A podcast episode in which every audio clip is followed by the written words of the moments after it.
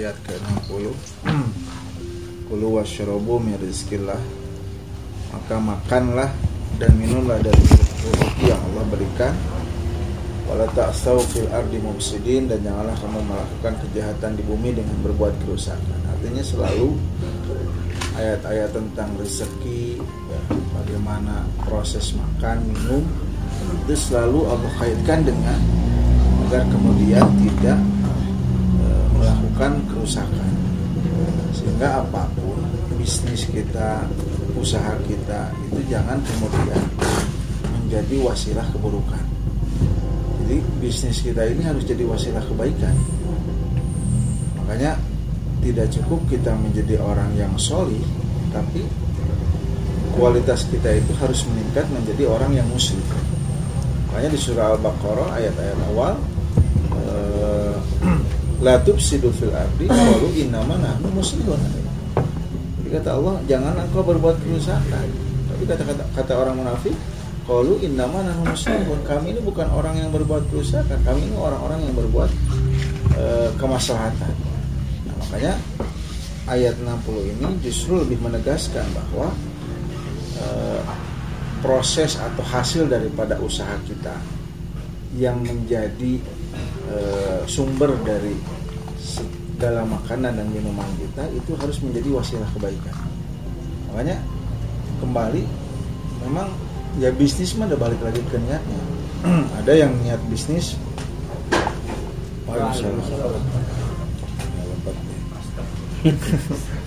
ini ada yang gak senang aspal ini pak. Bukan tadi nggak jemput aduh jadi ada yang bisnis memang untuk melakukan konspirasi keburukan ada ada yang berbisnis melakukan konspirasi kebaikan nah tapi orang mah dari PHB ya harus melakukan konspirasi kebaikan. Bagaimana kemudian bisnis atau usaha kita ini harus menjadi wasilah kebaikan bagi orang-orang lain. Dan niat itulah yang kemudian akan mengubah bagaimana citra dan kualitas bisnis kita di hadapan Allah. Nah kalau bisnis sekedar hanya untuk e, membuat kita kaya dan keluarga, hal yang wajar. Tapi kemudian bagaimana agar bisnis kita menjadi lebih berkualitas? niatkan sesuatu yang lebih misal seperti yang sudah pernah disampaikan bagaimana agar kita bisa berzakat dengan lebih besar karena tolak ukur pengusaha muslim ketika zakatnya semakin besar maka itulah tolak ukur bisnisnya dari zakat nabadat berarti omsetnya ibadat dan ya seperti halnya gitu. dan dan semakin besar zakat semakin berat kita mengeluarkan. Ya hari zakat 250 ribu mah hampang gitu. Da omset lagi kan kapan ya zakat 250 ribu mah gitu sabaraha tapi kemudian ketika mulai zakat naik jadi 2 juta setengah ah, mulai berat ya gitu 2 juta setengah kan penghasilan gitu sebulan meningkat lagi 2 juta setengah ya Allah tambahkan gitu jadi 25 juta 25 juta itu kan saya makan gitu itu zakatan gitu nah, meningkat lagi semakin kemudian kita berani melepas apa yang bukan menjadi hak kita, semakin Allah berikan sesuatu yang lebih. Jadi 25 juta, naikin lagi kok Allah tambah di omset kita, zakatnya di 250 juta. 250 juta masa expanderan gitu. Dan masya Allah luar biasa, ketika kita berani mengeluarkan apa yang bukan menjadi hak kita, Allah pasti berikan sesuatu di luar apa yang diwajibkan untuk kita. 250 juta naikin zakatnya jadi dua setengah miliar. Eh saya itu kan ngeluarin zakat dua setengah miliar berarti omsetnya kan mil, ratusan miliar. Semakin besar yang kita pegang maka akan semakin sulit kita melepas tong dibayangkan lain-lain pada teh jadi jadi ini seperti hanya sesuatu itu ketika kemudian terus disimpan dalam hati maka akan semakin e, berat kita ini untuk kemudian melepas. Makanya e, jadikan niat bisnis kita niat usaha kita itu untuk melakukan konspirasi kebaikan. Ya, bagaimana kemudian e, berkumpulnya para pengusaha di tempat ini itu bukan hanya sebagai orang-orang yang gitu. Wah, ya itu sesuatu yang positif. Kenal ngaji. Saat saya mau pengen jadi orang yang soleh, betul.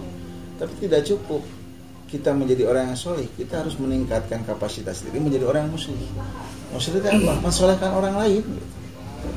Dan perihal mensolehkan orang lain itu jangan cuma terpaku dengan kita kan sering beranggapan begini. Saya mah soleh. Bagaimana saya bisa mensolehkan orang lain? Nah, ingat kata-kata Umar bin Abdul Aziz. Kata Umar bin Abdul Aziz, kalaulah seseorang itu tidak boleh menyampaikan kebaikan kepada orang lain hanya karena dirinya merasa uh, tidak terhindar dari dosa, maka tidak ada yang pantas menyampaikan dakwah setelah Nabi Muhammad. Karena orang yang terjaga dari dosa ya Nabi Muhammad. Orang yang maksum terpelihara dari keburukan, maksiat ya Nabi. Maka kalau tidak tidak layak tidak dibolehkan seseorang untuk menyampaikan kebaikan kepada orang lain hanya karena dirinya merasa tidak baik, ya semua orang nggak ada yang pantas gitu. Ya. Karena apa? Kita ini kan sebetulnya cuma berbeda dalam tingkatan jenis dosa saja. Artinya apa? Kita ini sama, dosa kita ini sama. Ukuran yang berbeda itu adalah ukuran dosa kita dan jenis dosanya. Nah, jangan sampai kemudian kita punya anggapan, aduh, kudu nyampe ke mau orang can bisa Nah, sering kan kita menganggap begitu. Dan dan ini adalah sesuatu yang salah kaprah. Jadi ahli dakwah mah sampaikan apa yang kita tahu meskipun itu bisa belum bisa kita praktekkan ya sampaikan. Ya pas hari misal ngaji di PHB nggak sabar tahun tiga tahun sudah saatnya terjun ke masyarakat hmm. menyampaikan apa yang kita dapatkan dari hasil ini sadar tapi dia jangan keamalkan kabeh gitu ngamalkan lah gitu Ya. Jadi sambil kita menyampaikan, sambil kita berlatih untuk menyampaikan, untuk kemudian mempraktikkan bagi diri kita sendiri. Gitu. Ini sehingga poligami kan aja ayatnya gitu.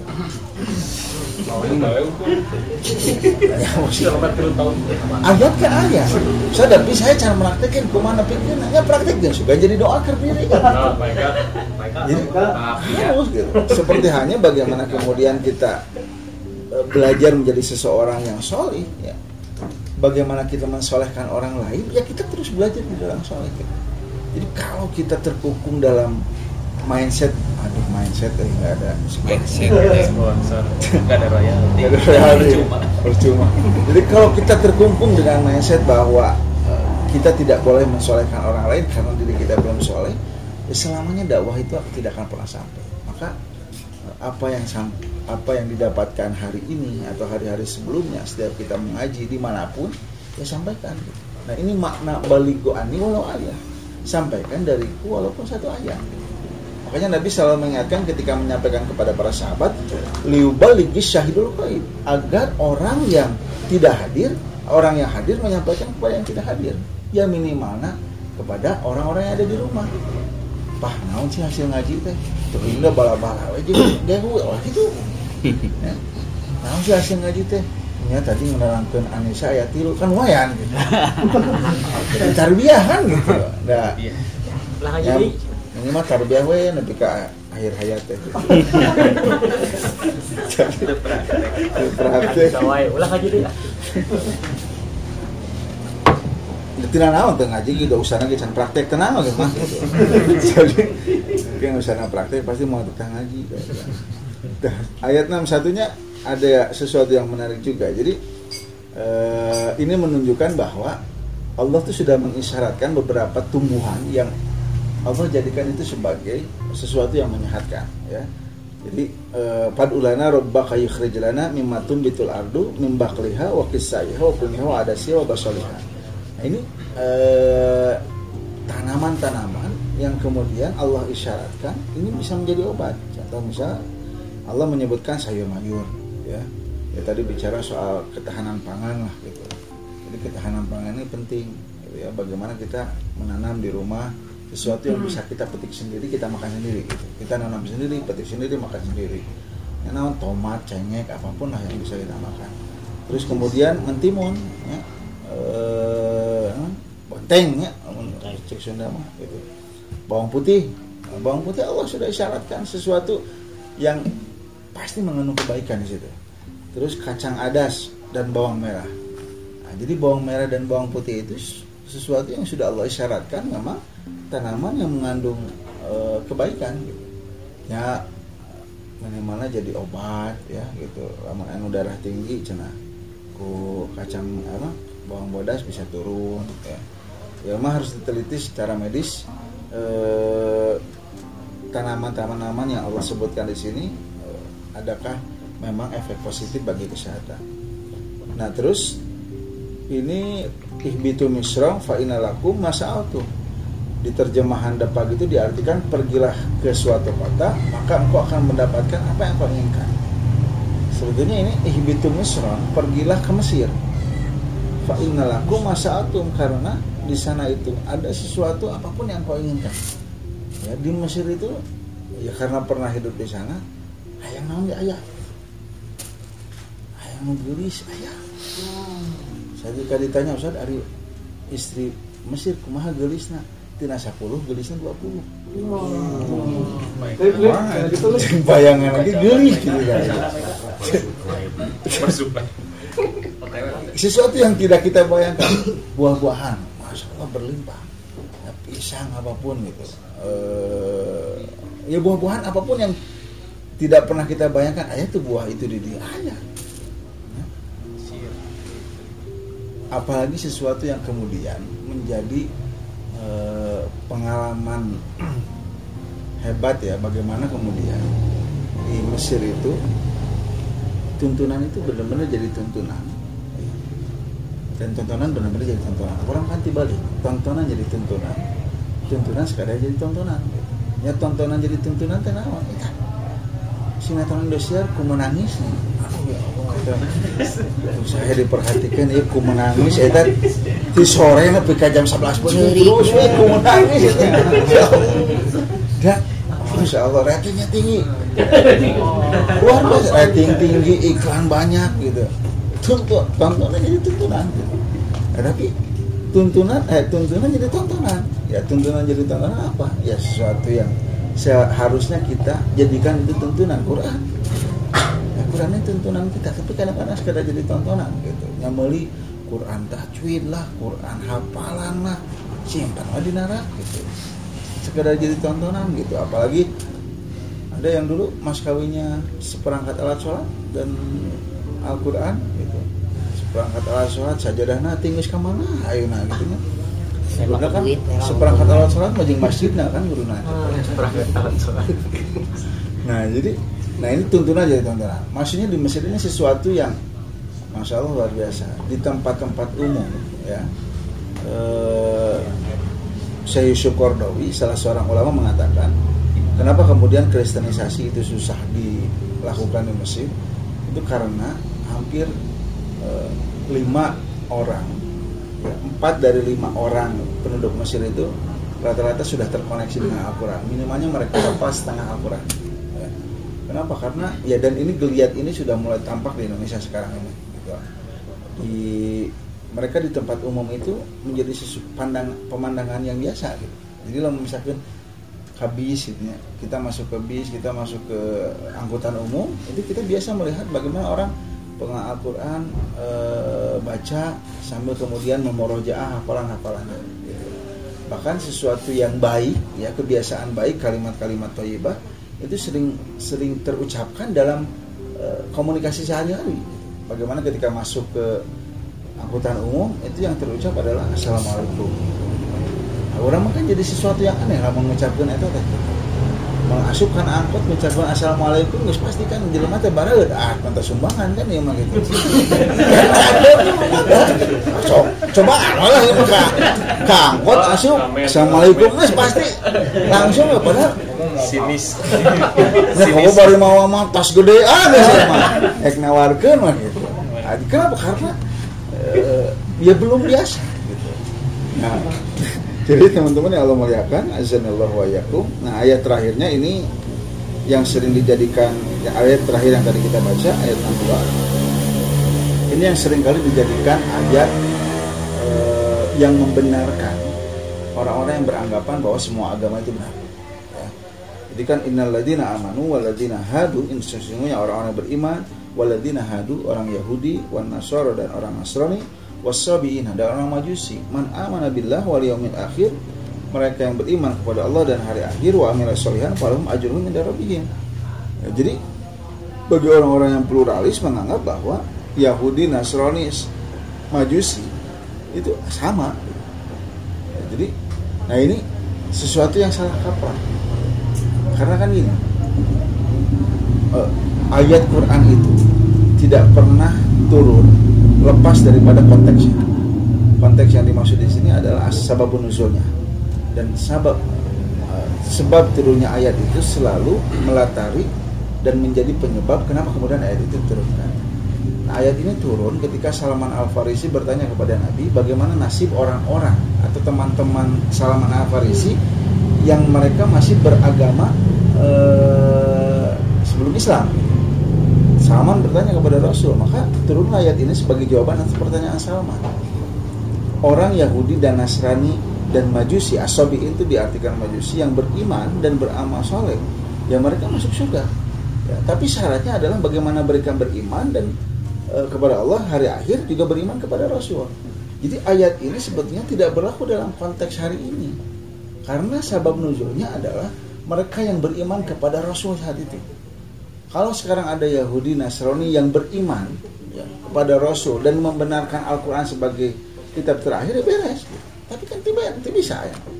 Ya, masing-masing dengan agamanya, masing-masing dengan keyakinannya terhadap kenabian mereka, terhadap nabi di agama mereka. Gitu. Sehingga ayat ini tidak bisa membenarkan pandangan orang-orang yang menganggap bahwa semua agama itu benar. Udah gampang lah nantang orang yang menganggap semua agama benar. Kalau semua agama benar dalam pandangan mereka, kan tinggal ditantang. Sok atau ayo nama Jumat, sholat Jumatan, terus Minggu kebaktian nggak mau kan gitu karena nah cuma dalam dalam dalam prinsip Islam ini meski kita tidak setuju bahwa prinsip agama semua agama itu benar ya, dan kita menyalahkan prinsip ini jelas-jelas gitu bahwa inna dina indallah Islam kan gitu. Bahwa agama yang diterima di sisi Allah satu-satunya adalah Islam. Ini mah sudah mutlak. Dan kita sebagai muslim harus meyakini apa yang kita jadi mau orang teh yakin naon anu diimanan ke orang ayeuna ya bubar kita orang nah tapi cara pandang kita terhadap agama lain nah ini kan berbeda. Dari nganggap menganggap Islam pang bener mah kudu kalau kita tidak menganggap eh, semua agama benar lah kenda nu penting mah bager ya kasih sama. Nah ini kekacauan ketika uh, Islam iman dan isan itu tidak bersatu padu. Kan dari agama mati dulu agama ini tiga uh, pilarnya. Ada iman ada Islam ada Islam yang harus dibangun pertama kali adalah iman. Iman itu soal keyakinan. Bagaimana kita meyakini uh, akidah yang kita pegang hari ini bagaimana kita meyakini Islam yang kita anut hari ini? Dan keyakinan kita terhadap Islam itu tidak boleh dirobohkan oleh keyakinan terhadap apa pun ketika keimanan kita goyah hanya bahkan karena oleh se uh, sebatang emas gitu. Ya gitu. nah iman itu soal keyakinan kita. Jadi apakah kita harus yakin bahwa agama kita ini benar? Harus itu. Tidak pandangan itu mah tidak boleh dikalahkan oleh oleh yang lain tapi kemudian bagaimana kita berperilaku baik terhadap penganut agama lain bersikap toleran terhadap agama lain nah itu persoalan lain tapi iman yang yakin karena agama orang mah kudu. Nah ulah kemudian hanya karena kita punya keluarga, punya sahabat yang kemudian berbeda agama, terus hanya karena alasan toleransi, lalu kita kemudian sedikit melunturkan keimanan kita dengan cara uh, menghormati apa yang menjadi budaya mereka, padahal itu ada keyakinan mereka. Contoh, uh, boleh kita tidak memakai, boleh tidak kita memakai atribut yang menjadi budaya dalam kebiasaan mereka. Ya contoh misalnya yang yang ramai lah dibahas pakai topi sinterklas boleh tidak ya. atau misalkan orang Kristen boleh tidak pakai kurang nah ketika sesuatu itu melekat dan dipandang sebagai identitas agama nah ini yang kemudian disebut mantasyabah gitu. jadi barang siapa yang menyerupai suatu kaum maka dia termasuk kaum uh, kaumnya. Tapi ketika itu hanya sekedar menjadi budaya dan tidak menjadi identitas keagamaan selesai gitu. Misal gitu baju koko itu apakah identitas muslim? Itu koko.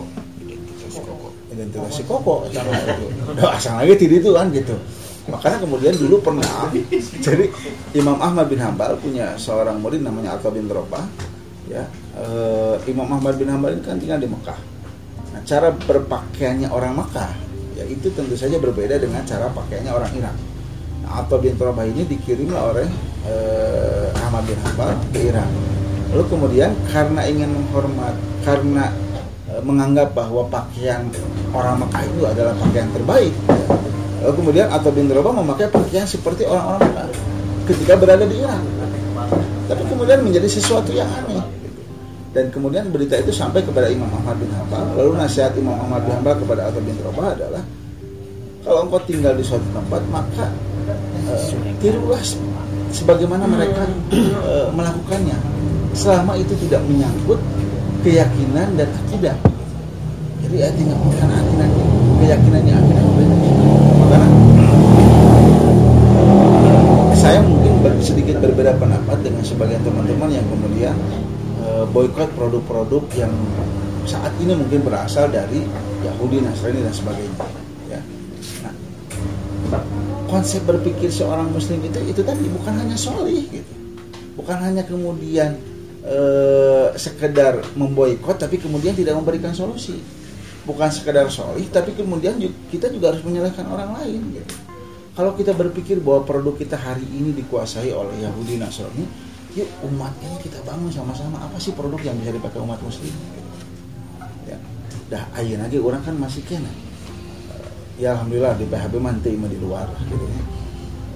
Ya membeli produk Unilever lah gitu Kok bisa disebut merah jual merah contohnya apa lagi contohnya lah kopi kopi habis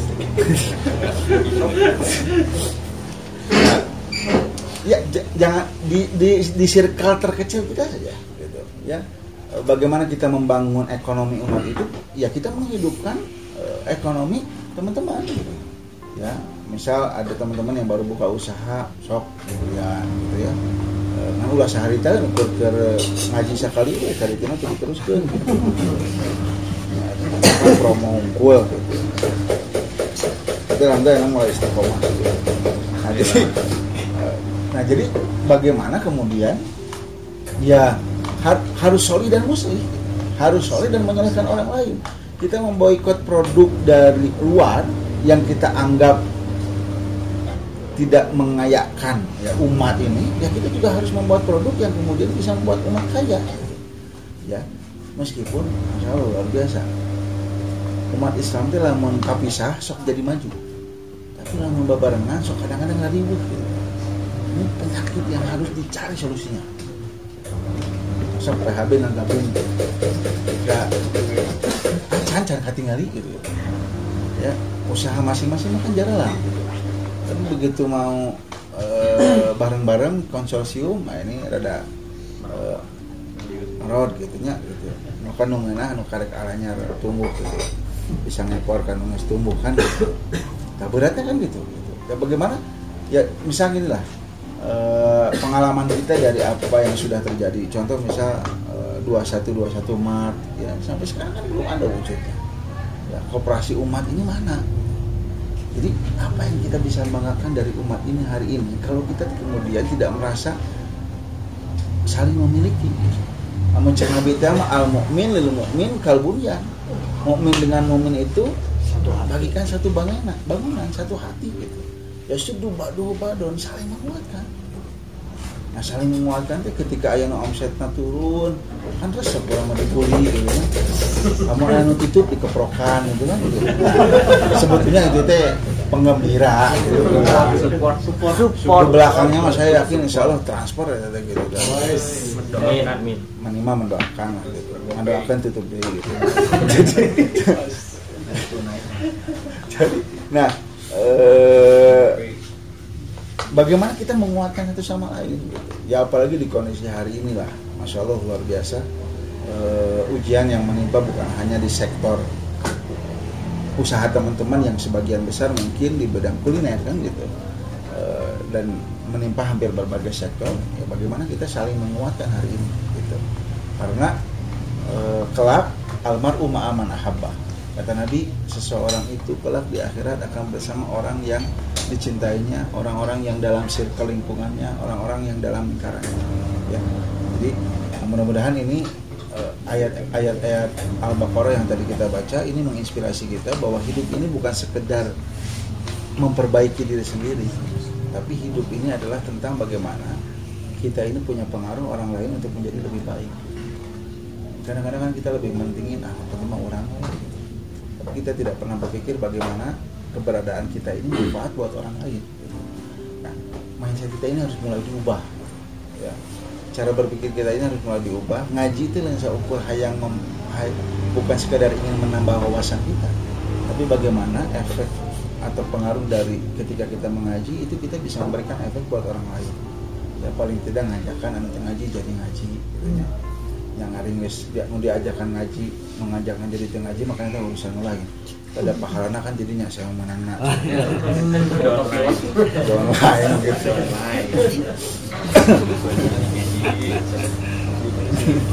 itu saya no mention no mention ini bawa anak rajin datangnya maunya Dewan terus Kayaknya di mention. Iya mah. sekarang wae Dipertegas. Kita lah nyebut merek. Aduh, ya Allah. Teman-teman jadi gini, tema hari ini mukaulan sakilan ya di Quran ini punya eh, ungkapan yang sangat efektif terkait dengan bagaimana komunikasi. Jadi kalau mau bala-bala itu komunikasi yang paling efektif untuk memecah konsentrasi. Terdistrak ya. Di meja Pak Eka. Jadi Al-Quran ini punya bahasa yang sangat efektif itu terkait dengan komunikasi. Nah, seorang pengusaha, pebisnis itu kan pasti eh, punya konsep bagaimana melakukan marketing komunikasi yang efektif. Nah, dalam bahasa Quran, eh, komunikasi itu diungkap dengan berbagai ungkapan. Ada disebut dengan al-kalam, ya kalam itu ya komunikasi, kalimat ucapan. Ada disebut dengan an-naba, berita, terus ada disebut juga dengan kalimat al-hadis, pembicaraan. Tapi yang akan kita konsentrasikan adalah bagaimana Al-Quran mengungkap komunikasi dengan istilah kaul. Jadi kaul itu adalah eh, bagaimana cara kita berucap, berkomunikasi yang efektif. Nah, Al-Quran itu punya punya paling tidak enam kaul, ya. enam, enam cara komunikasi. Ya, dan ini mungkin meskipun eh, sebab turunnya ayat tidak terkait dengan metode bisnis ya tapi ini bisa dipraktekkan ketika kita melakukan marketing komunikasi. Kaul yang pertama Al-Quran itu menyebut dengan kalimat kaulan ma'rufan Ya. nah ma'ruf kan sudah pernah kita sampaikan apa bedanya ma'ruf, toyib, halal dan sebagainya. Nah ma'ruf itu sesuatu yang baik. Jadi kaulan ma'rufan itu Allah eh, menyebut di surah An-Nisa ya terkait dengan ayat wasiat ya. Jadi bagaimana ketika orang-orang yang bukan ahli waris ya, itu hadir dalam pembagian warisan ya kan sok ayah uang dengar lah uang dengar uang warisan gitu ya. Padahal kan tidak dapat jatah kan gitu. Nah, jadi ya sok ayah lah no sok. Waris saya no hadir ya kurba kerabat al yatim anak yatim miskin orang miskin. Apakah mereka dapat jatah waris? Kan enggak. Tapi Al-Quran memerintahkan meskipun mereka tidak mendapatkan bagian waris hendaklah mereka diberikan bagian yang sewajarnya. Nah, bagian yang sewajarnya itu harus disampaikan dengan kaulan ma'rufan harus disampaikan dengan komunikasi yang ma'ruf. Ma'ruf itu sesuatu yang baik yang tidak mengandung kebohongan.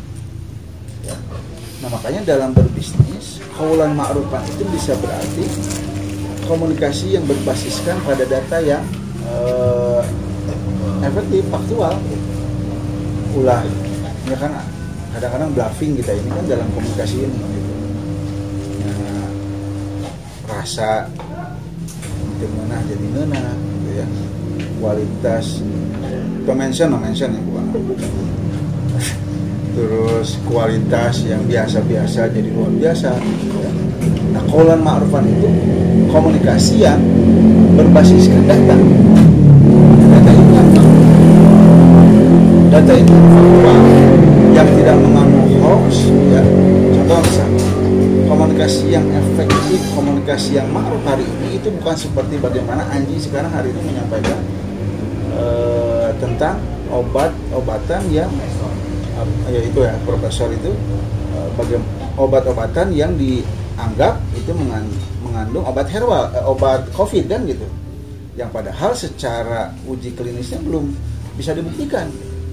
Nah itu kan komunikasi yang tidak ma'ruf nah hati-hati teman-teman ketika kita menjalankan bisnis jangan sampai kita ya me- melakukan kaul yang yang tidak ma'ruf nah termasuk kaulan ma'rufan itu adalah ketika kita tidak menyampaikan komunikasi dalam bahasa yang vulgar gitu. teu naon hari merek dagang narada vulgar mah gitu. kan komunikasinya udah vulgar no mention gitu. omat tong meskipun sudah pasti mengarah ke mana gitu. tapi ulah komunikasinya mah gitu ya. hanya karena merek kita agak-agak eh, basah gitu ya gitu vulgar gitu ya urusan aja nu eta gitu Wah. No mention, no mention. Prabu ya. No mention. tapi jangan sampai komunikasinya tidak ma'ruf gitu. nah kalau tidak ma'ruf itu apa ya itu tadi menyampaikan sesuatu yang membuat orang berpikir lagi-lagi eh, tentang sesuatu yang berkaitan dengan itu gitu saya nyebutnya itu lah pokoknya namanya eh apa? Gitu lama eta gitu nganu Anu. jadi satu harus berbasiskan data. Artinya harus jujur ya eh, komunikasinya. Dua tidak mengandung sesuatu yang vulgar. Karena ma'ruf ya nggak boleh ma'ruf itu di di dicampurkan dengan yang mungkar. Nah yang mungkar yang mungkar itu berarti mengajak sesuatu seseorang untuk berpikir tentang sesuatu yang buruk gitu Artinya ma'ruf. Makanya komunikasi yang ma'ruf ketika dalam berbisnis sampaikan sesuatu itu seperti apa yang dipahami oleh orang lain. Ya. luar jauhin habis jadi ke mana-mana oke akhirnya dimention. Ya, jadi kolom ma'rufan itu satu ya. Nah yang kedua komunikasi menurut Al-Quran itu adalah kaulan maisuran Maisuron. Maisuron itu komunikasi yang maisur. Maisur itu dari yusrun.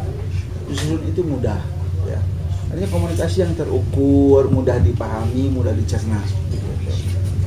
Nah, hari ini kan copywriting yang efektif itu adalah copywriting yang bagaimana bisa mudah dipahami oleh eh, audiens kan gitu. Nah, bahasa Quran itu kaulan maisuran, maisuron gitu.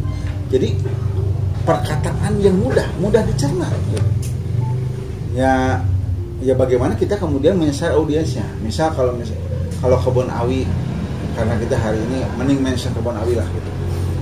Kalau kebun awi misal target audiensnya adalah eh, remako gitu ya. Remaja kolot gitu. Ya berarti komunikasinya yang mudah dipahami oleh remako. Kalau merek-merek yang tadi gitu ya yang tidak bisa dimention itu remaja gitu ya bagaimana komunikasinya disesuaikan dengan target audiens kita? Yang mudah dipahami gitu. ya sehingga kalau bahasa ini engagementnya dapat lah gitu. Nah, ini kaulan maisuran gitu. jadi komunikasi yang mudah gitu. Nah yang ketiga yang nanti akhirnya kaulan sakilan ketemu. Yang ketiga adalah kaulan layinan. Layin itu lemah lembut tapi nyentuh perasaan. Nah makanya dalam komunika dalam marketing komunikasi sesuatu yang eh, sifatnya menyentuh emosional kita itu akan lebih efektif. Contoh misalnya dengan video ya yang kemudian menguras air mata ya ku menangis gitulah ya. Kita kan gampang komunikasi deh Sok. ya Allah ini mah cerita ya. Saya itu orang mau nonton film itu gitu ya. Eh, pasca beneran kita mau nonton.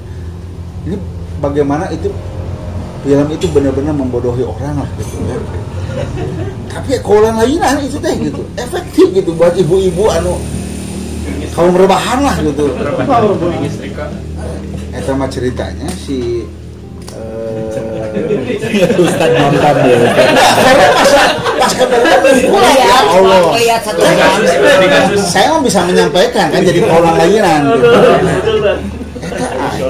di adegan teh aya cenah ceritanya itu kambingnya eh, keracunan terus mati. Terus si, si kambingnya teh emang golek tapi tiba-tiba si cekat eta si kambingnya teh. Itu kumaha actingannya nggak benar-benar nggak profesional lah gitu. Ini lain kaulan mak eueuh makruf eueuh maisuron kan memang lainan gitu. Lainannya naon? Dalam bentuk itu tadi menguras emosi ya apalagi ceritanya si miskin dan si kaya anu curang ejeng anu jujur geus eta mah? Aduh, kuat eh eta ku- eta ku menangis deh, ku menangis deh ya eta. Lagu nanti kan rosa, we, terus diputer-puter eta. Saya mah kan sebagai ini materi dakwah. ibu-ibu majelis taklim Nah, kaulan lainnya itu tuh. Jadi bagaimana bisnis kita, komunikasi bisnis kita itu bisa menyentuh audiens kita. gitu. Ya, dan ya kadang-kadang kan dengan saat ada ada iklan-iklan yang kemudian hari ini kita kenal. Gitu. Sok iklan tahun 90-an lah. Adit, Adit.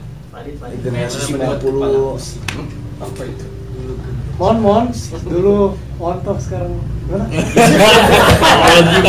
itu masih emon itu itu masih si boy itu mah. sekarang langsing apa? Hasilnya mon Nah, si Mona kan. ketahuan banget. Ya itu lain. Solusinya mana?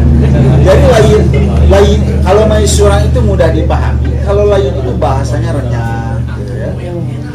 Terus kemudian eh, memberikan unsur yang membangkitkan emosi gitu nah itu kan komunikasi yang efektif gitu ya belajarlah kepada das lah gitu yang Oh, mention.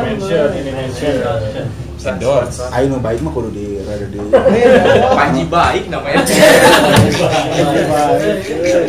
Gas.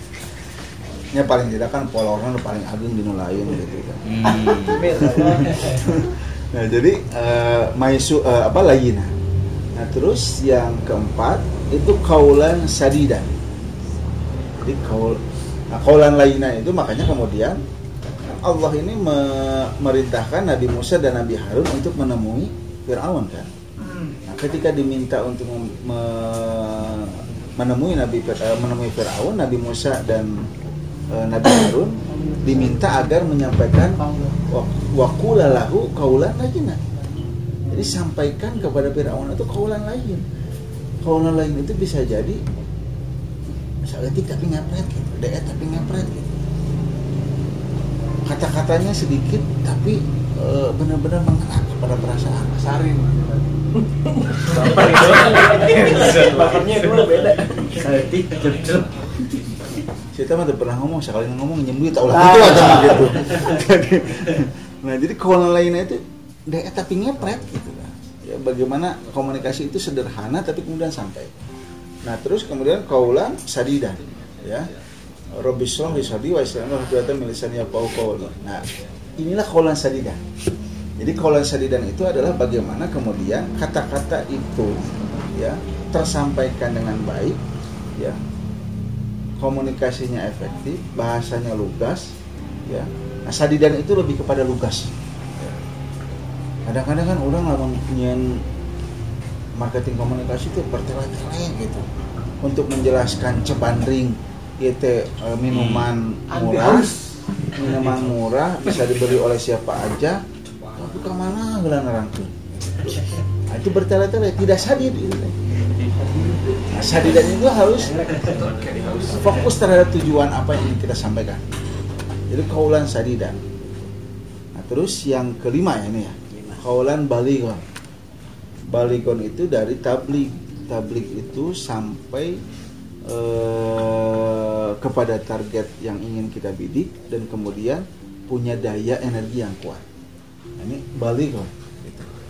Nah, copywritingnya itu bisa ber- bisa tapi jangan jangan terlalu bombastis kemudian bohong Nah, itu berarti tidak ma'ruf ya jadi baligon itu lugas tegas sederhana dan sampai eh, dengan tujuan yang ingin kita sampaikan kepada target yang ingin kita bikin balik kok. Nah, yang terakhir ini yang kita maksud kata-kata yang berenergi itu kaulan sakira. Ya, teman-teman bisa dilihat di surah Al-Muzammil ya. eh, ayat 5. Allah ini ketika memberikan kewajiban dakwah kepada Nabi Muhammad cerita kita minggu lalu itu kan Nabi ini kan merasa berat ya. Bagaimana kemudian ketika wahyu ya turun kepada Nabi ya Nabi ini kan merasa bahwa ini menjadi tanggung jawab yang besar beban yang sangat besar yang harus Nabi pikul agar kemudian disampaikan kepada orang lain. Sampai kemudian dalam hadis Bukhari yang sangat panjang Nabi kemudian meminta kepada Siti Khadijah radhiyallahu anha untuk zamiluni zamiluni Khadijah selimuti aku. Jadi tidak terpanas eh, terpanas tiris tapi yang disimutan kenapa? Karena ada beban yang luar biasa yang menghinggap di dada Rasulullah. Kan sering kita ini ketika diberikan dihimpit masalah yang luar biasa tiba-tiba awaknya sok ngerasa panas tiris padahal itu kering ya Nabi ini juga sama. Ketika diberikan kewajiban dakwah yang hari itu Nabi rasakan sebagai beban yang luar biasa Nabi meminta agar kemudian diselimuti dan dihangatkan. Lalu kemudian mulai dakwah dijalankan oleh Nabi dan Masya Allah luar biasa. Ketika dakwah dijalankan oleh Nabi cobaannya kan datang dari dari berbagai arah. Dari keluarga iya dari masyarakat Arab iya. Sesuatu yang membuat Nabi kemudian butuh sesuatu yang memberikan energi bagi Nabi untuk menyampaikan dakwah itu secara luas maka ya ayuhal muzammil wahai orang yang berselimut jadi kepada siapa ayat itu ditujukan secara spesifik ayat itu sebetulnya ditujukan kepada Nabi ya ayuhal muzammil kum fa'anzir bangun dan kemudian berikan peringatan kepada orang yang eh, hari ini saat itu menentang dakwahmu gitu. terus di ayat kelimanya setelah waratilil Quran tartilan kan gitu kumilaila ila qalilan bangunlah di waktu malam. Dan bagi Nabi sholat malam itu menjadi suatu kewajiban. Ke ulama jadi sunnah. Ke Nabi wajib sholat malam. Ya. waratilil Quran tartilan dan bacalah Al-Quran secara tartil.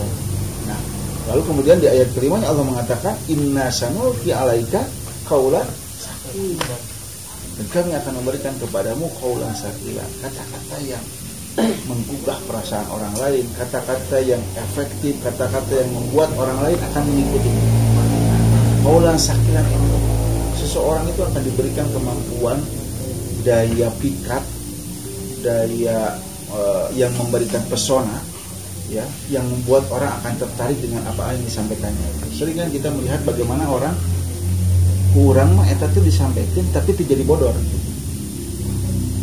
kita menyampaikan perkataan yang disampaikan oleh oleh orang lain. Ketika orang lain menyampaikan itu itu terasa efektif dan kemudian orang mau mengikutinya tapi ketika orang berpikir hal itu nabi sering kan begitu? Kita begitu. Padahal ah saya mah kata-kata dia sederhana. Saya sering melihat bagaimana eh, orang-orang yang pandai pidato ya pandai menyampaikan eh, kata-kata yang hebat yang membuka audiens itu ya mengandung kata-kata yang berenergi. Ya, dalam bahasa Quran inilah kaulan sakilan nah, sering dalam komunikasi bisnis itu itu copywritingnya udah bagus ya.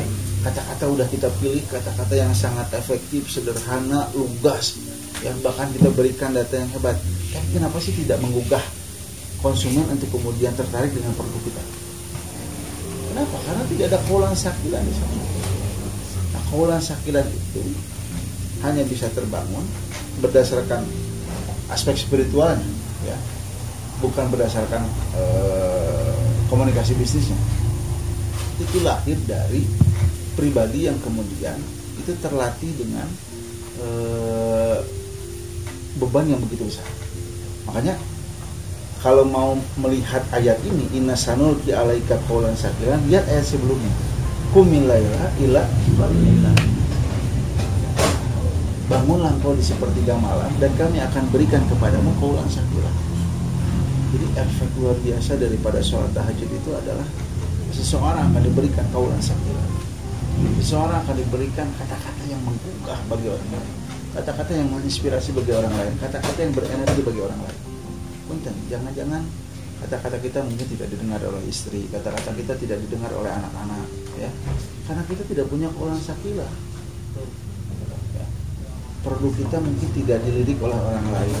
Komunikasi kita dalam berbisnis tidak di eh, tidak sampai kepada orang lain. Karena kita tidak punya kaulan sakilan pada diri kita sendiri.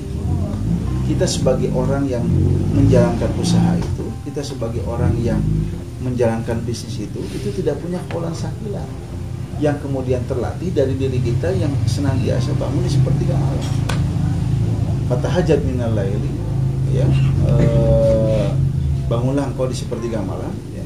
dan kata Allah apa maqaman mahmudan Allah akan berikan posisi yang mahmud ya. posisi yang agung posisi yang terhormat posisi yang kemudian itu bisa mengalahkan siapa jadi kalau saya melihat orang yang punya kaulan sakilan ya bagaimana contoh misal ketika kita mencoba melihat perjuangan eh, orang-orang yang sukses hari ini ya. Paling tidak dari kalangan muslim contoh misalkan Pak Habibie. Kita melihat bagaimana kualitas tidurnya ya sebentar. Ya, orang mah ayo waktu sautik rebahan ayo waktu rebahan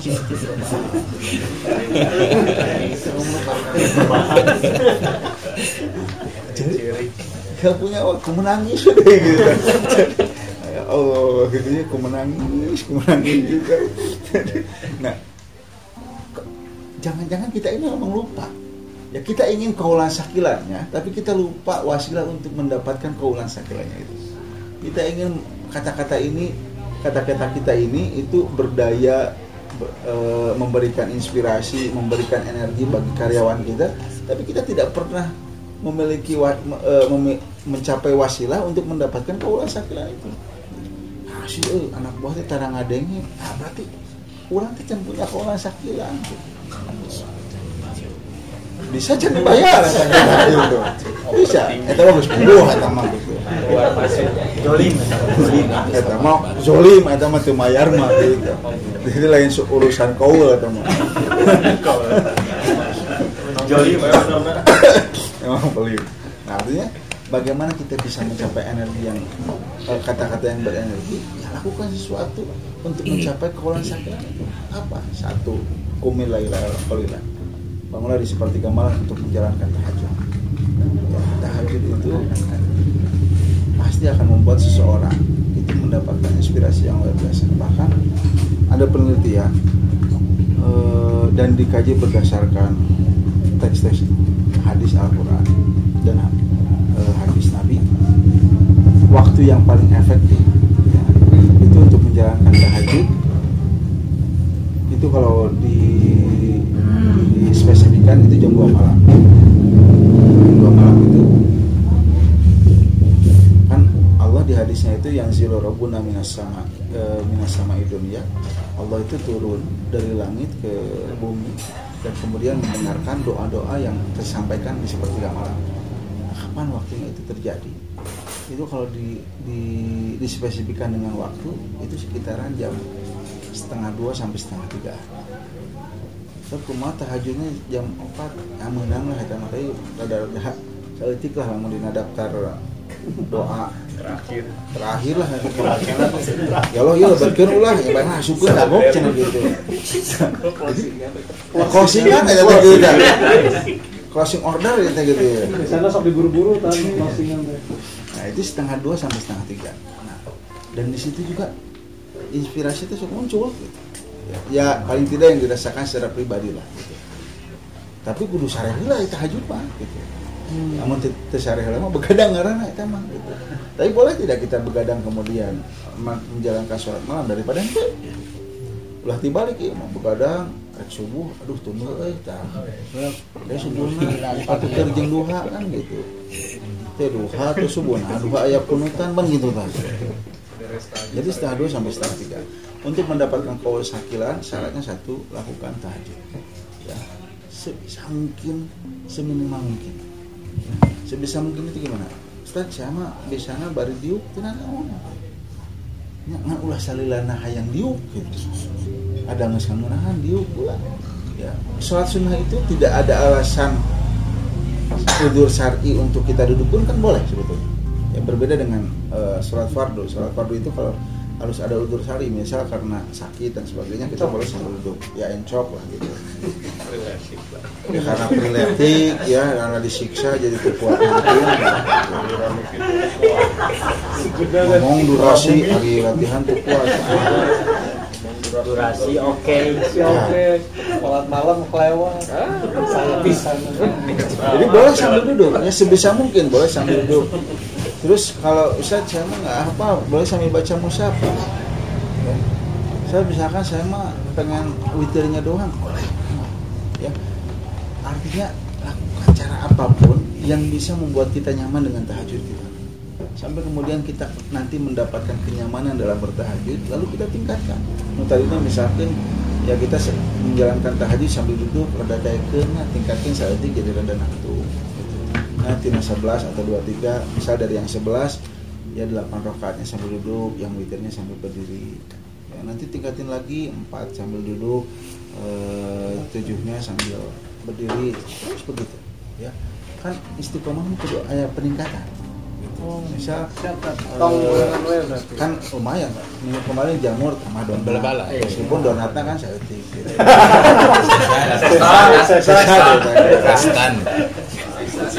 Isuk kayak bahan brabus ya. Tapi paling tidak kan ayeuna mah mendahului gorengan. Iya. Kacang tutung. Kacang tutung tidak datang ya di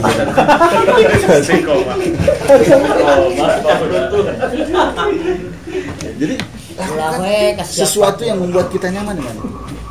Dan yang kedua, kalau mau mendapatkan kawalan sakilan walau tidur Quran atau artikan ya, di sepertiga malam itu jangan cuma tahajud ya ada kesempatan kita untuk membaca Quran dengan tartil Wih, Ratu belajar hasil